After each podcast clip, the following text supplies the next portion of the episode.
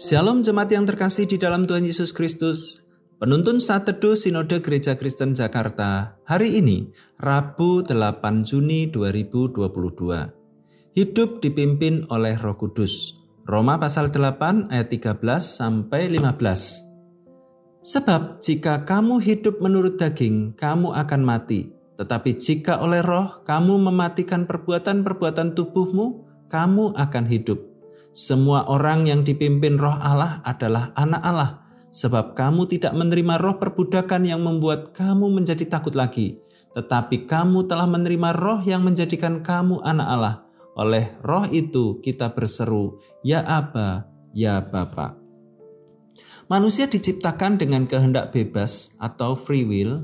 Manusia mempunyai kebebasan untuk memilih apa yang menjadi keinginannya. Pilihan itu bisa jadi benar atau salah, baik atau jahat.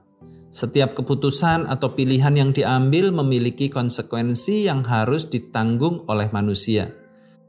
Setiap keputusan manusia tidak mungkin terlepas dari pengawasan dan hukum Tuhan. Firman Tuhan hari ini ditulis oleh Rasul Paulus kepada jemaat Kristen di Roma.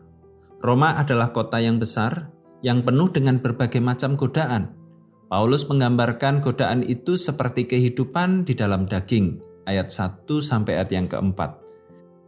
Daging adalah gambaran manusia yang terikat pada kefanaan dunia. Jika kehidupan yang terikat pada dunia itu dibiarkan dan tidak dikoreksi, maka akan membawa manusia dikuasai oleh dosa. Hidupnya berpusat pada diri sendiri yang sibuk memuaskan hawa nafsunya. Ia tidak mau tunduk pada perintah Allah. Akibatnya mereka harus binasa atau mati kekal. Ayat yang keenam. Gereja memang hidup di tengah dunia yang sedemikian jahat, namun kehidupan gereja haruslah berbeda. Kehidupan gereja harus dipimpin oleh Roh Kudus. Hidup dipimpin oleh Roh Kudus berarti menghidupi kebenaran firman-Nya. Sebagai anak-anak Allah, kita bersedia untuk membaca kebenaran firman Tuhan dan melakukannya dalam hidup setiap hari. Ingatlah, Kristus telah mati untuk menebus dosa kita. Dia memberikan hidup kekal bagi kita. Sudah tentu pilihan yang kita ambil harus memuliakan nama Yesus Kristus. Itu adalah bukti bahwa kita adalah muridnya. Jangan mau hidup dikuasai oleh dosa. Kalau hidup kita masih dikuasai oleh dosa, kita perlu merenung apakah kita sudah sungguh-sungguh bertobat. Bila kita tetap hidup dalam daging, mungkin kita belum sungguh-sungguh mengalami pertobatan. Waspadalah, bahwa orang yang hidupnya dikuasai kedagingan tidak akan mendapat kehidupan kekal yang dijanjikan Allah.